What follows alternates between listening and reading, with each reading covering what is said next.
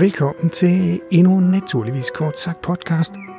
Denne gang handler det om, hvad er neuropsykologi? Det handler om forholdet mellem vores hjerne og hvordan vi tænker og agerer.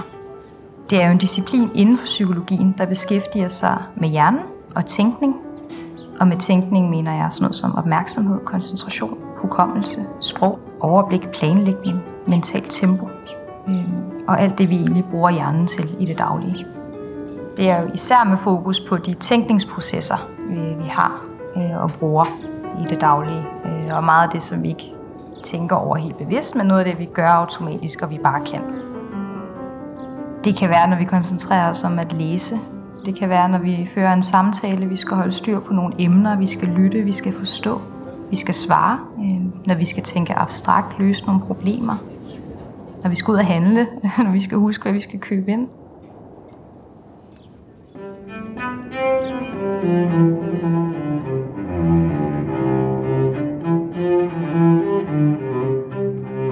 navn er Maria.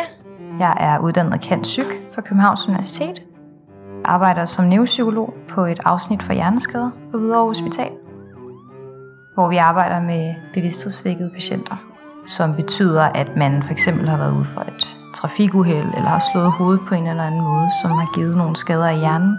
Eller det kan være en blodprop i hjernen, en blødning i hjernen, en hjernebetændelse. Der kan være mange grunde til det, som gør, at man, øh, man er svækket i sin bevidsthed i en eller anden form. Der findes flere grene inden for psykologien. Det kan for eksempel være klinisk psykologi, typisk med, med terapi og samtaler i forskellige sammenhænge. Og det er nok det billede, folk har af den klassiske psykolog.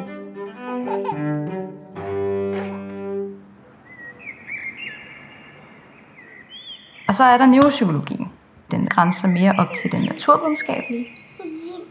Og inden for neuropsykologi er der så også flere forskellige felter, man kan arbejde med. For eksempel arbejde med forskning og uddannelse. Man kan arbejde med påvirkning af bevidsthed, som jeg for eksempel gør. Man kan arbejde med søvn, demenssygdomme, børn. Men fælles er, at man oftest i hvert fald er inden for, for udredning af kognitive funktioner og kognitive vanskeligheder, typisk som følge af en hjerneskade. Kognitive vanskeligheder betyder egentlig, at man er påvirket i forhold til sin opmærksomhedsevne, koncentrationsevne, hukommelse, overblik, planlægning, det vi kalder for eksekutive funktioner, de mere styrende funktioner i hjernen det mentale tempo eller ens sprog. Det er nogle af eksemplerne på de vanskeligheder og funktioner, som vi undersøger som neuropsykologer. Og så er et gennemgående tema ofte mental træthed. Det viser sig ved, at man typisk ikke kan koncentrere sig så længe af gangen. Man har mange signaler på træthed. Det kan også være mere skjulte signaler, sådan noget som at man får ondt i hovedet eller får ondt forskellige steder i kroppen. Øhm, det er tit noget, man oplever, når man har haft en hjerneskade, så det arbejder vi også rigtig meget med. Og det er jo noget af det, vi også hjælper folk med at lære bedre at kende under det forløb, de har hos os på Hvidovre Hospital.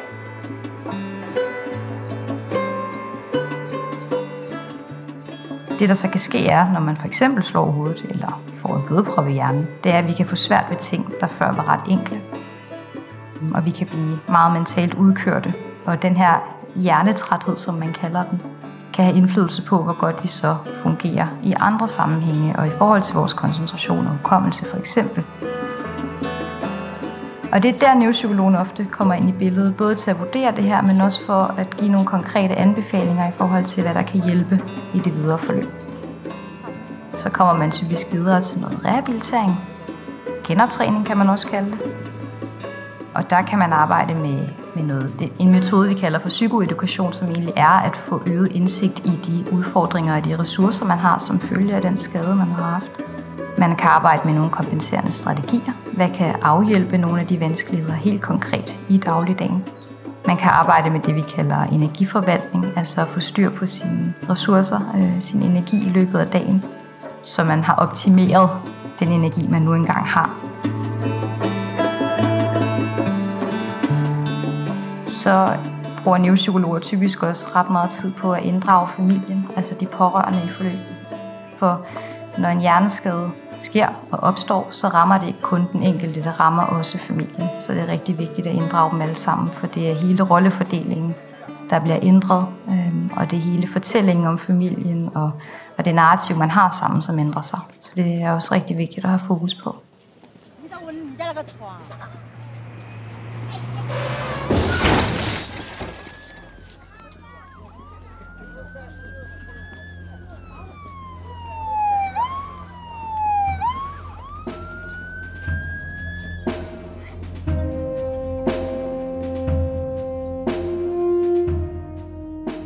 For de sidste årti er der kommet rigtig meget fokus på hjernerystelse, og de fleste kender jo efterhånden nogen, der har haft en hjernerystelse eller har prøvet det selv.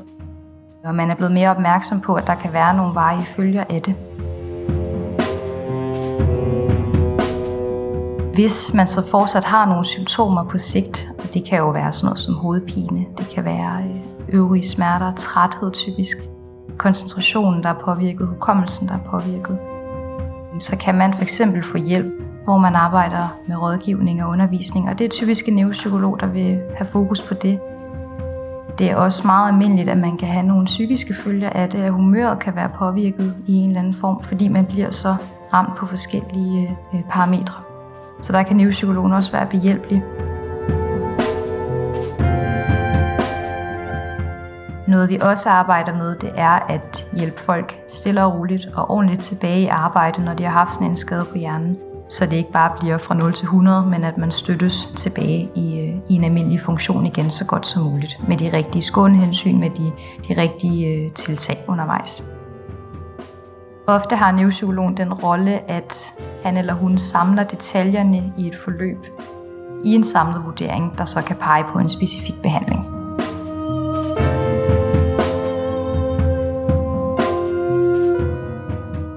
Hvis man skal kigge på, hvor neuropsykologien stammer fra, så kan man spore det ret langt tilbage. Øhm, der er blandt andet helt tilbage til frenologien, sådan i slut 1700-tallet, hvor man talte om cerebral lokalisation, altså hvor man prøvede at kortlægge hjernen ved, ved at undersøge kraniens yderform. Det mødte selvfølgelig en del kritik efterfølgende, da det selvfølgelig er øh, dybt kritisabelt rent videnskabeligt. Det egentlige startskud for neuropsykologien var nok omkring øh, Broca, som studerede sprogets lokalisation i hjernen. Det var i sidste halvdel af 1800-tallet. Det var selvfølgelig svært med empirien, for det man undersøgte var jo døde patienter, og det byggede på kliniske jagttagelser. Der var ikke nogen formelle test, der var ikke noget normmateriale, øh, som man kunne sammenligne med raske. Så det var lidt svært videnskabeligt at undersøge det på det tidspunkt.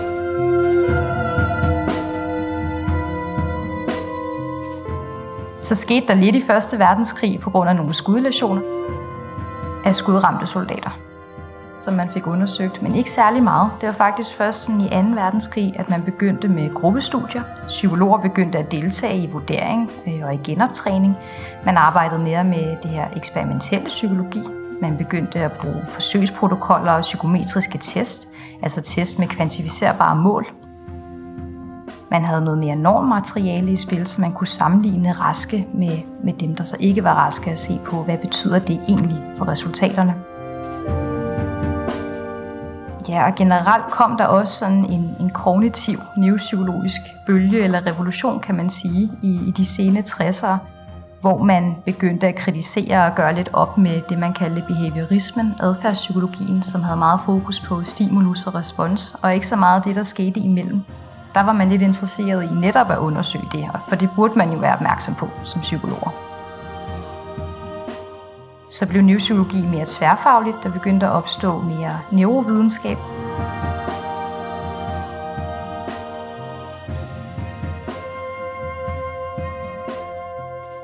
Traditionelt set så har neuropsykologien været fokuseret på, på hjerneskaderamte, men der er også andre områder, blandt andet inden for psykiatri, øh, hvor det kan være interessant at lave kognitive udredninger og relevant at gøre det.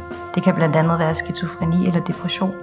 Og så er der også ofte det, vi kalder for komorbiditet, det vil sige, at der kan opstå for eksempel en depression eller en angstledelse efter en hjerneskade, hvilket jo også kan give nogle kognitive vanskeligheder, så det er også rigtig vigtigt at være opmærksom på, og det er noget, som neuropsykologer har for øje, både når de udreder, men også når de har, øh, har borgere eller patienter i behandling.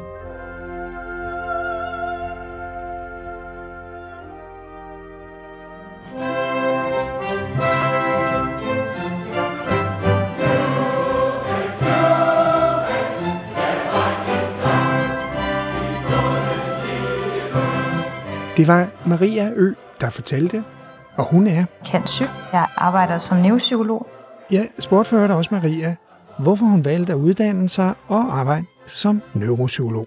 Det er nok det interessante i både at være psykologen, der er der følelsesmæssigt for patienten og for familien, men også fordi jeg er interesseret i, hvordan hjernen egentlig og skader i hjernen kan påvirke måden, vi fungerer på, og hvad man egentlig kan gøre for personer i den sammenhæng. Det synes jeg er enormt spændende.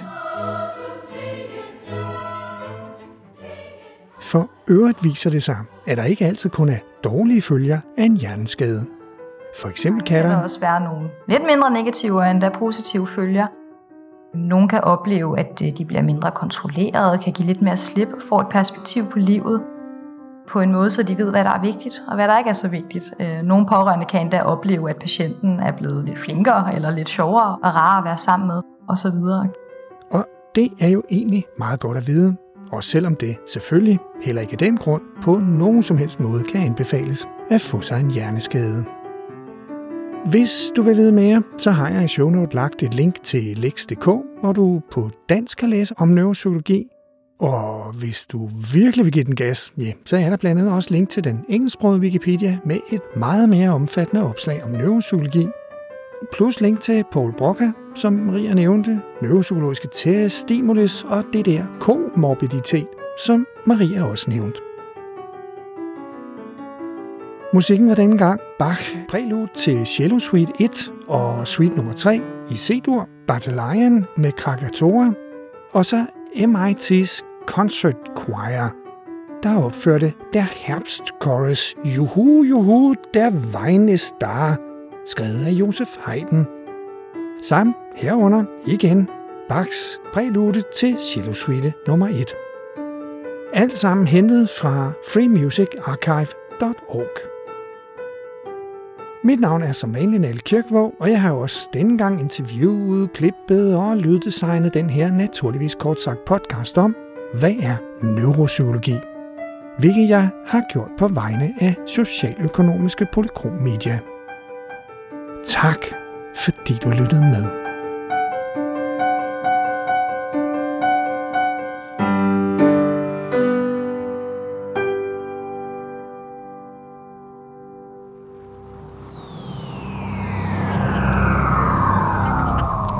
Naturligvis. Naturligvis. Og det er jo noget af det, vi vil undersøge. Ja, lige netop.